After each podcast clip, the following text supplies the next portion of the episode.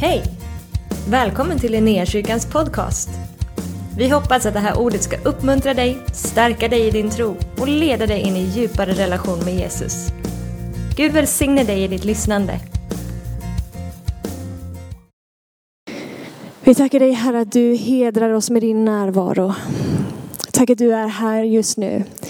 Tack att vi får stå på det löftet att där två eller tre samlas i ditt namn, där är du mitt ibland dem. Tack att du är mitt ibland oss just nu, Herre, med din ande och verkar. Vi tackar dig för ditt ord till oss. Tack att ditt ord är levande och verksamt.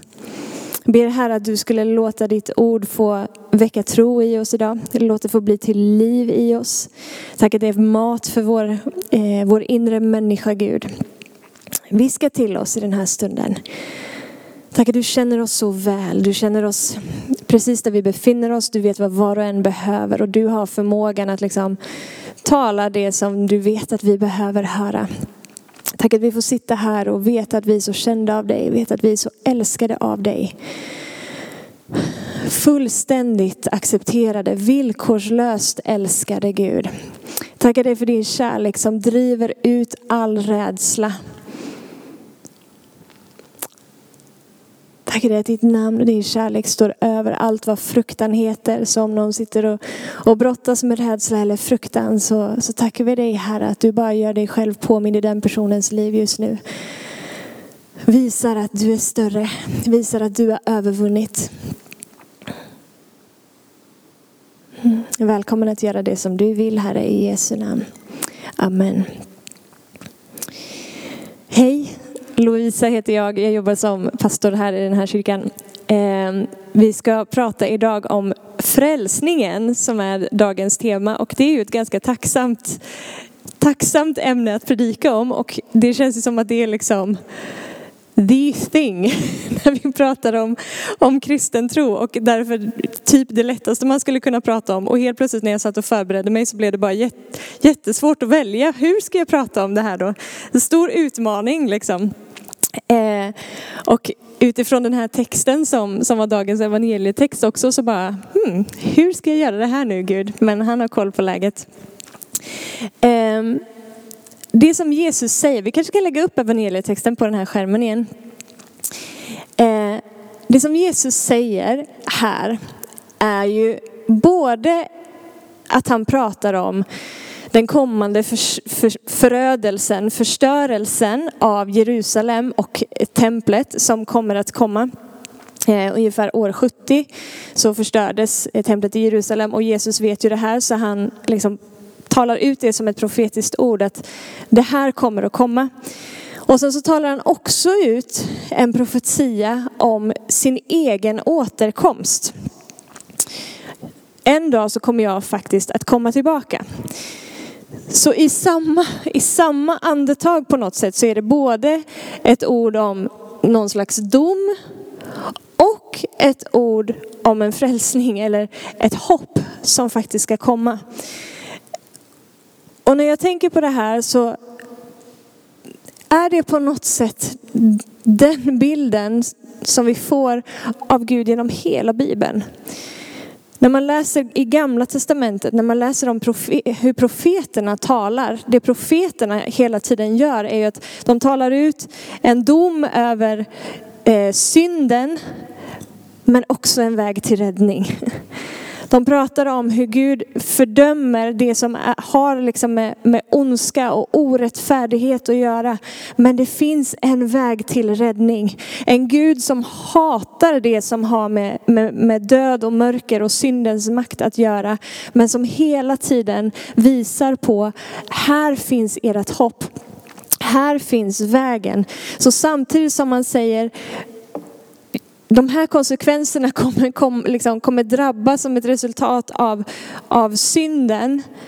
Så säger han också, om ni omvänder er till mig, om ni sätter er tillit till mig så är jag svaret. Här finns det en väg och by the way, det är jag som är vägen. Eh, det är liksom temat som, som löper genom hela, hela Guds ord.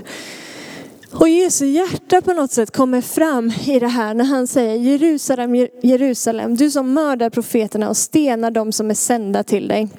Alltså Gud har skickat sina budbärare liksom om och om igen och pratat om, eller profeter som har pekat på det som ska komma, som har pekat hela tiden, vittnat liksom om Messias som ska komma. Och folket vill inte ta emot, de vill inte lyssna. Men hur ofta har jag inte velat samla dina barn, så som hönan samlar sina kycklingar under vingarna. Men ni ville inte.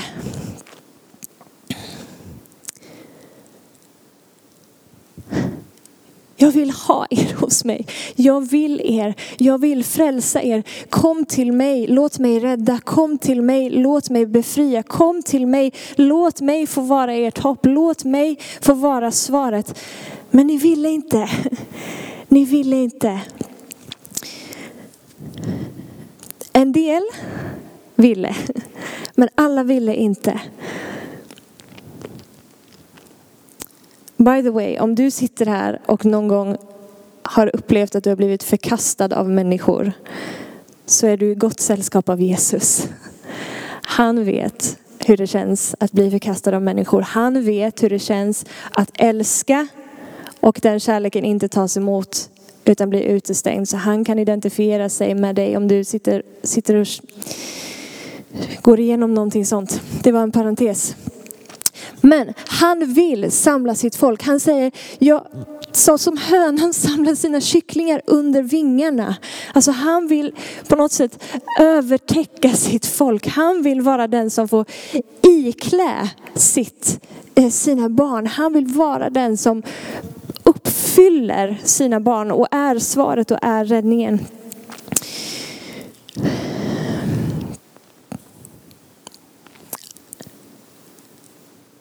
Men han som för oss som tror blir det eviga hoppet blir samtidigt en stötesten för alla de som inte tror. Men för oss som tar emot så blir han ett evigt hopp. Det är bara Jesus. Det är bara Jesus som kan hantera och ta hand om vår eh, syndiga natur. Alltså det som var fläckat och förstört av syndens makt, det som har blivit korrupt på våran insida. Det är bara Jesus som kan hantera det. Ingen av oss kan frälsa oss själva.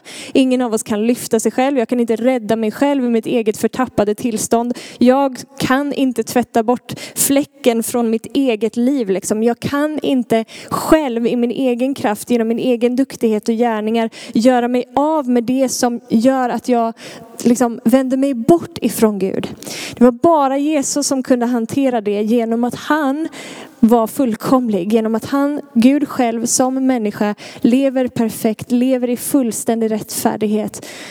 Han tar på sig det som var synden i mitt liv. Han hänger på korset, inte bara för mig utan också som mig, som min representant går ner i graven med den synden och uppstår igen, besegrar därmed döden, besegrar ondskans makt. Vilket gör att han kunde föda dig och mig på nytt till ett levande hopp. Han kan ge dig och mig en ny natur. Det är bara det som gör att vi kan leva i gemenskap med honom igen. Bara han kunde hantera det som var problemet i gemenskapen med honom. Bara Jesus kan göra det. Och när vi då, eller hur tar vi emot den här frälsningen för det första? Efesierbrevet 2 säger att vi tar emot det av nåd genom tro. Så vi omvänder oss och vi sätter våran tro till honom. Det är inte genom våra egna gärningar, inte genom vår egen duktighet, utan av nåd genom tro är det som vi tar emot det. När vi då har tagit emot det och blivit födda på nytt så så innebär det på något sätt att vi har blivit insatta i hela Guds frälsningsplan. Och när man pratar om frälsningen så finns det vi, ibland så får vi en väldigt, i vårt sätt att prata om det så får vi en väldigt begränsad bild. För vi säger att ja, men bara du tar emot Jesus som din Herre och Frälsare så är saken löst. Och det är på ett sätt sant, men det finns en bild som, som är väldigt mycket större. Som handlar om att vi blir födda på nytt, vi tar emot frälsningen. Vi blir insatta på en resa tillsammans med Gud där vi har blivit frälsta och vi blir frälsta. Alltså den här frälsningen, det som Gud har gjort i dig när du har blivit född på nytt, det verkas ut i ditt liv. Alltså han formar dig och gör dig mer och mer lik sig själv. Och vi ska bli frälsta. Vi har blivit frälsta, vi blir frälsta och vi ska bli frälsta. Vad är det här vi ska bli frälsta för någonting då? Vad innebär det? Det är kopplat till det som Jesus pratar om när han säger att jag ska komma tillbaka.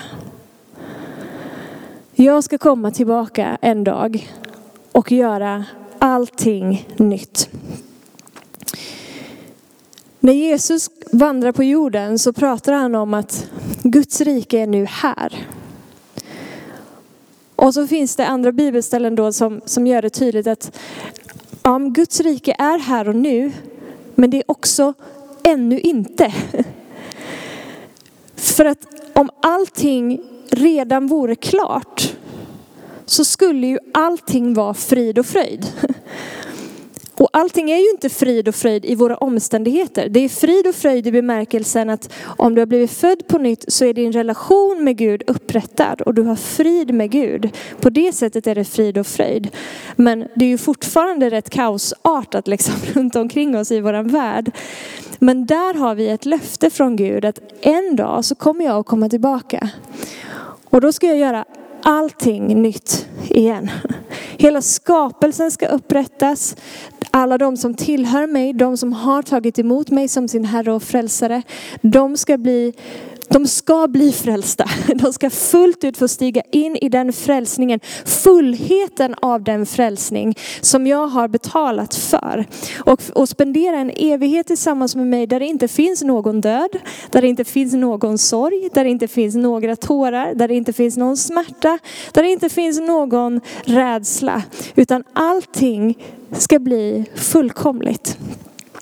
Men just nu så lever vi liksom på punkt två i den här tre, trepunkts frälsningsplanen. Eh, där det är nu men ännu inte. Du är insatt i ett liv tillsammans med Gud. Du har gemenskap med honom. Och så väntar vi på att någonting ska bli fullbordat. Eh, låt oss läsa från första Petrusbrevet kapitel 1 från vers 3 till 10. Välsignad är vår Herre Jesu Kristi Gud och Far. I sin stora barmhärtighet har han genom Jesu Kristi uppståndelse från de döda fött oss på nytt till ett levande hopp. Okej, okay? så genom hans uppståndelse från de döda så kunde han föda dig på nytt till ett levande hopp. Till ett arv som aldrig kan förstöras, fläckas eller vissna och som förvaras åt er i himlen. Alltså det finns någonting som är förberett för dig.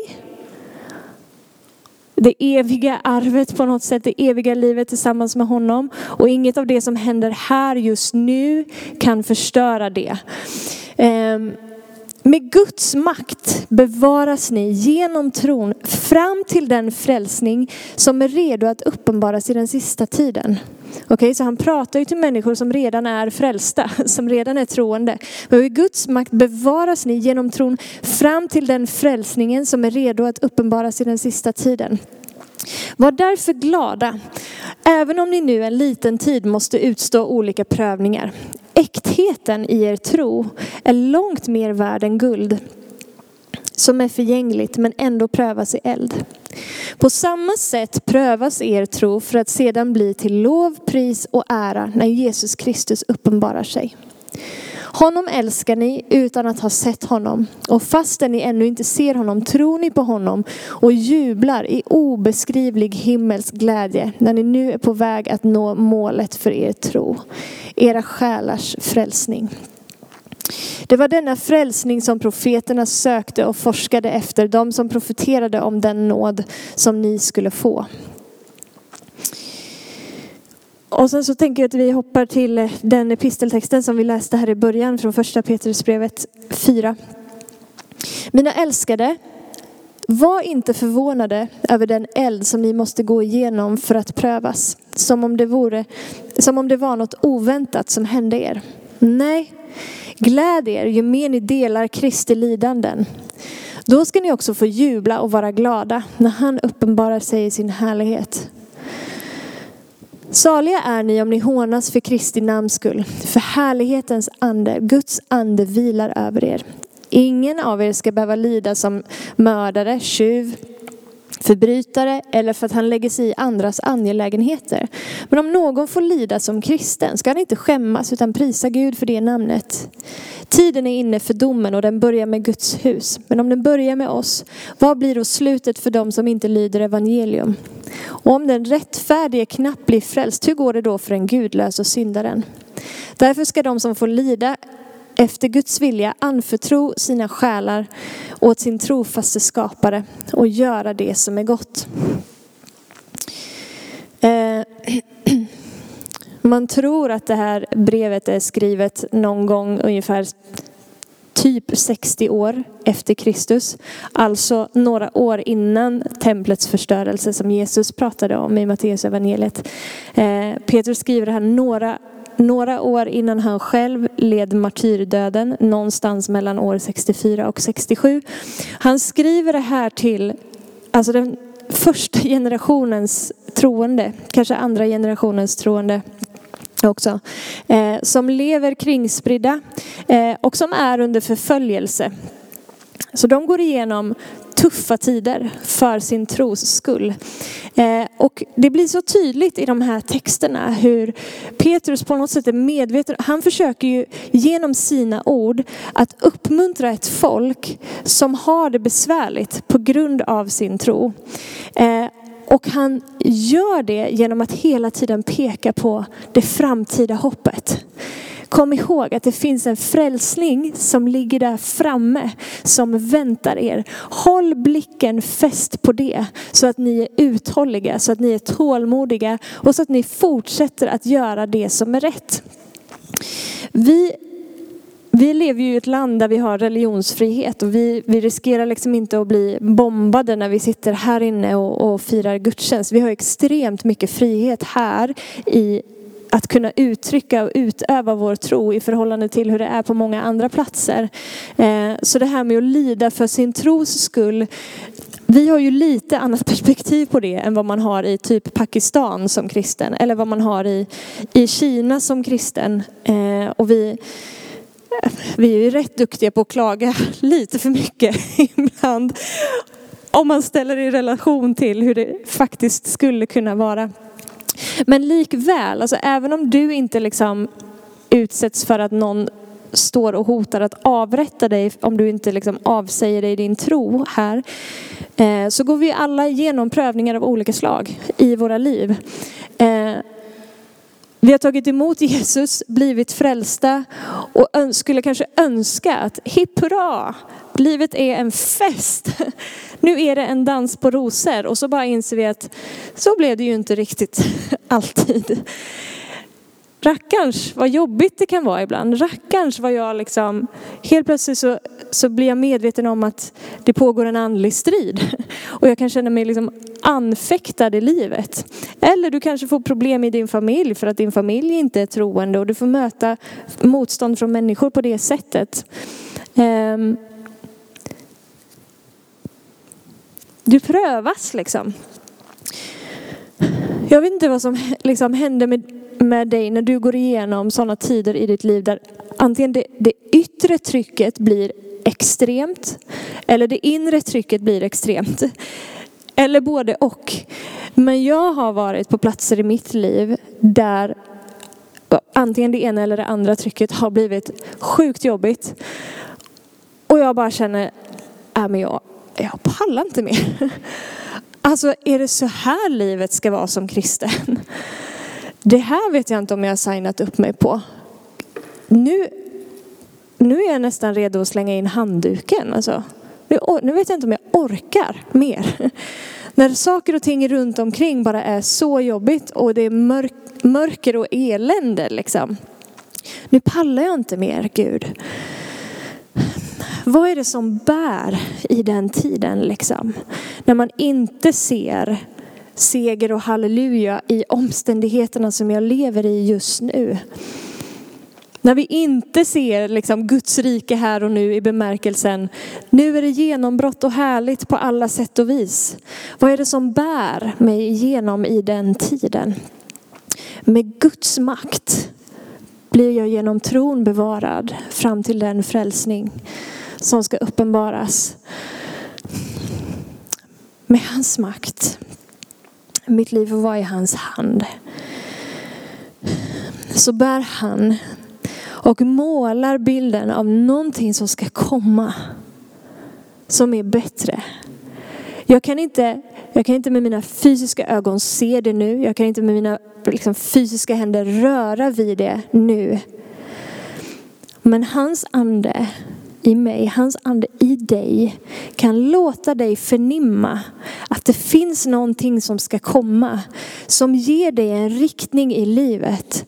Och som på något sätt bara ger dig nåden att hålla fast och hålla kvar mitt i stormen. Och fortsätta att göra det som är rätt. Varför fortsätter vi att göra det som är rätt? Inte för att dina gärningar påverkar din, din frälsning i den bemärkelsen. För det var inte dina gärningar som gjorde att du blev frälst från början. Det var Guds nåd som du satte din tro till som gjorde att du blev frälst. Så det är, inte, det är inte därför som vi fortsätter att göra det som är rätt. Det är inte därför som vi fortsätter att hålla fast. Men den riktningen, det framtidshoppet om det som ska komma bär oss igenom varje tid av svårighet, av prövning. Och läser du första Petrusbrevet så pratar ju han om liksom att gläd er om ni får utstå olika prövningar. Gläd er när ni får gå igenom lidanden. Varför då? Det är inte ett dugg kul Gud. Det är faktiskt inte det minsta roligt. Därför att äktheten i din tro prövas. När Gud låter oss gå igenom elden, alltså när, när tryck hamnar på oss. Pressar man på en citron så kommer det ut citronsaft liksom. När tryck hamnar på oss så, så, märker man vad som finns på insidan. Man märker vad som finns där. Och det guldet som någonstans finns i dig kommer att förädlas genom att du får gå igenom lite press ibland. Och faktiskt igen bara förankras i det som är av evighetsvärde. Jag vet inte hur du funkar men ibland så märker jag liksom att jag är väldigt fäst vid det som är här och nu. Det som är här och nu, det som jag liksom kan se och röra vid och det som finns i mina omständigheter eller sådär. Men när, det, när Gud låter det skaka ibland så är det sjukt jobbigt. Men när det skakas så blir det extremt uppenbart för mig vad det är som inte skakas. Och det är mitt evighetshopp. Det är arvet som inte kan fläckas eller förstöras. Det som faktiskt inte kan rubbas på. Och där kan vi tacka Gud. Att vi får gå igenom det ibland så att vi får bli ännu mer bara befästa i det som är den himmelska verkligheten och påminnas om vart vi faktiskt har vårt medborgarskap. För den dagen som du sa ditt ja till Jesus och, och fick bli född på nytt så tillhör du honom och hans rike. Bibeln säger att vi har vårt medborgarskap i himlen. Det är där som är din liksom, yttersta hemvist inte här. Så när det är jobbigt här så får vi påminna oss om där. Där hör jag hemma.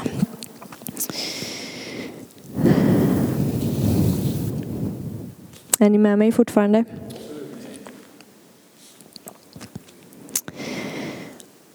Så.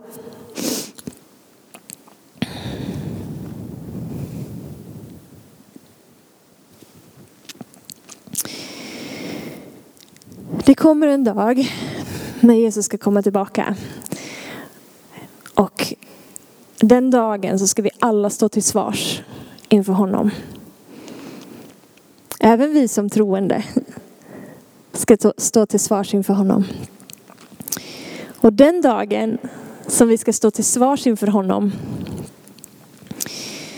så kommer det inte funka att vi står där och försöker peka på mina egna gärningar liksom. Det som jag har gjort duktigt. Det som kommer funka den dagen är om jag kan peka på hans gärning och hans verk. Jag tänker på en sång eh, när jag har hört den många gånger. Jesus Krist, hörnsten är svag, blir stark. Sista versen i den sången är När jag hör domsbasunens ljud Låt mig bli funnen i dig Gud Stå klädd i din rättfärdighet Få prisa dig i evighet Stå klädd i din rättfärdighet. Jesus har i den här evangelietexten som vi läste, strax innan, i verserna innan, i kapitel 23, så talar han till fariseerna. Och han fördömer dem rätt rejält. Han kallar dem för hycklare, han kallar dem för huggormsyngel och en hel massa saker som man helst inte vill höra Jesus säga till en. Eh, men det han fördömer dem för är för att de polerar utsidan av bägaren men inuti så är de ruttna. Det han fördömer dem för är för att de har massa goda gärningar att peka på men de saknar relation. De, de berömmer sig av att de följer lagen och tror att de kan finna sitt liv i det, tror att de kan finna frälsning i det. Men de är så förblindade av sin egen rättfärdighet att de missar frälsningen själv när han står framför dem. De ser inte han som är deras faktiska räddning. Eh, han fördömer dem för det och visar dem på att din egen gärning kommer aldrig vara det som gör att du blir frälst. När Petrus pratade i de här breven om att fortsätta göra det som är gott. Fortsätt att hålla fast. Fortsätt att göra goda gärningar. Ni ska inte lida för att ni gör de här dåliga sakerna. Men gör goda gärningar. Så säger inte Petrus det att gör goda gärningar så att ni blir frälsta. För eh, Jesus har redan sagt att dina goda gärningar är inte det som gör att du blir frälst. Det enda som gör att du blir frälst är om du låter mig, som hönan, samla sina barn, sina ungar. Om du låter mig få övertäcka dig, om du låter mig få iklä dig, om du låter mig få ge dig min rättfärdighet av nåd genom tro. Där i ligger din frälsning. När jag hör domsbasunens ljud, låt mig bli funnen i dig Gud. Stå klädd i din rättfärdighet, få prisa dig i evighet. Av nåd genom tro, där i ligger din frälsning. Och likväl så säger Petrus, gör det som är rätt. Fortsätt göra de här sakerna. Varför det? Vad spelar det för roll? När, när du befinner dig på platsen av extrem prövning och lidande och du får gå igenom eld och du bara känner, jag orkar inte göra en enda bra grej till. Jag orkar inte ha mera tålamod, jag orkar inte ha mera hopp, jag orkar inte tjäna dig mer Gud, jag orkar inte älska en annan människa, jag orkar inte göra en enda god gärning till. Vad är det för vits liksom? Jag kan lika gärna skita i det. Om det ändå inte är mina gärningar som gör att jag blir frälst, varför ska jag då hålla på? Det är bara asjobbigt. Det är inte dina gärningar som gör att du blir frälst, men våra gärningar spelar ändå roll. Det är som att Jesus säger att du kommer inte kunna peka på, dina, på ditt goda verk den dagen som du ska stå inför mig. Liksom. För då är det min rättfärdighet som frälser dig. Men jag bryr mig fortfarande om hur du lever ditt liv. För hur du lever ditt liv kommer att spela roll i evigheten. Eftersom att du har blivit insatt i liksom frälsningen som är ett evigt verk så kommer ditt liv så som du lever det nu att klinga i hela evigheten. Det kommer ljuda. Eh, och Bibeln pratar om att eh, den dagen så kommer hur vi har byggt det kommer att visa sig. Det kommer att uppenbaras. Och om vi har byggt på, på rätt grund, om vi har gjort rätt saker med rätt motiv, eller om vi har gjort rätt saker med fel motiv, så kommer allt sånt uppenbaras. Jesus ser igenom hjärtat och han säger att det kommer finnas en belöning i evigheten. Därför så säger han att, vet ni vad, när det är skitjobbigt, När du går igenom eld och du prövas till max och inte orkar någonting mer. Jag bär dig, min nåd bär dig, min, min makt bär dig. Men ge inte upp. Ge inte upp. Fortsätt att göra det som du vet är rätt. För det påverkar. Håll ut. Det påverkar. Jag ser, det är inte lönlöst. Han säger inte liksom, gör det som är rätt för det påverkar. Och liksom, gör du fel, då nåde dig. Det är inte det liksom. Det är inte management by fear. Utan det han säger är, hej, jag ser. Jag ser det du gör. Det är värt det. Glöm inte, det är värt det. Jag belönar dig. Det är värt det. Keep on going, det är värt det. Nu tror jag att jag har predikat tillräckligt länge. Vi ber och sen ska vi få fira nattvard tillsammans. Herre, vi tackar dig för din frälsning. Vi tackar dig Jesus Kristus att du gjorde det som inte vi kunde göra själva. Vi tackar dig för din kärlek Herre. Tack att du dog för oss. Du bevisade din kärlek till oss genom att dö för oss medan vi ännu var syndare. Innan vi hade gjort ett enda rätt, innan vi ens hade tänkt en enda tanke rätt Herre så dog du för oss. Så mycket älskade du oss, så oförtjänta av din nåd och ändå så ger du den så villkorslöst, så fritt och för intet. Tack att vi får vara så fullständigt accepterade av dig Herre. Tack att vi får vara insatta i gemenskap med dig. Tack att du har upprättat gemenskapen med dig genom din son. Vi tackar dig att vi får ha frid med dig. Vi får ha frid med dig Gud. Vi tackar dig att vad vi än går igenom i den här tiden, Herre, när vi, när vi upplever att vi liksom är på bergets topp eller när vi är i dödsskuggans dal och vi, vi prövas och vi känner att vi orkar inte längre. Vi vill inte göra någonting rätt. Vi, vi vet knappt liksom om vi vill fortsätta följa dig för att det är så jobbigt. Så, så är din nåd där, så är din hand där, din makt bär oss i det Herre. Tack att du också bara kommer att uppmuntrar oss i det. Mitt i lidandet, mitt i prövningen, mitt i elden Herre så påminner du oss om att det finns en framtid som väntar. Det finns en evig framtid tillsammans med dig och det är värt det. Det är värt det. Tack helige Ande att du bara kommer att styrka just nu. Det ger kraft och styrka till den som kämpar, till den som är kanske trött i sin tro och som har undrat vad den håller på med egentligen. Tack för ny kraft. Tack för ny kraft Gud. Prisa dig Herre att du är levande och verksam. Tack att det inte det är inte bara tomma ord som vi säger utan det är på riktigt. Tack att du gör det Gud. Tack att ditt ord går ut med kraft. Tack att ditt ord går ut med, med nåd liksom att verka precis det som du säger att du ska göra. Herre, vi ber att du också bara skulle återupprätta frälsningsglädje i oss.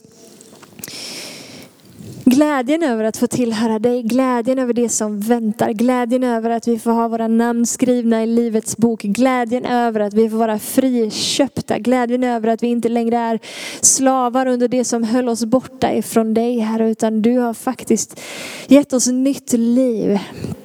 Glädjen över att få ha liksom fri, fri tillgång till din närhet Herre. Tack helige Ande att du återupprättar det. Tack att du bara ger en liten strimma av ljus för den som kanske har suttit i, i jättemycket mörker. En lilla, lilla strimman av ljus och hopp som bär igenom.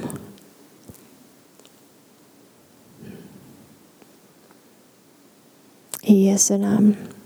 Amen. Tack för att du har varit med oss. Hoppas du känner dig inspirerad av Guds ord och har fått nya perspektiv. Hör gärna av dig till oss och berätta om Gud har rört vid dig på något sätt. Vi är så glada att få höra vittnesbörd om vad Gud gör. Du kan mejla oss på adressen info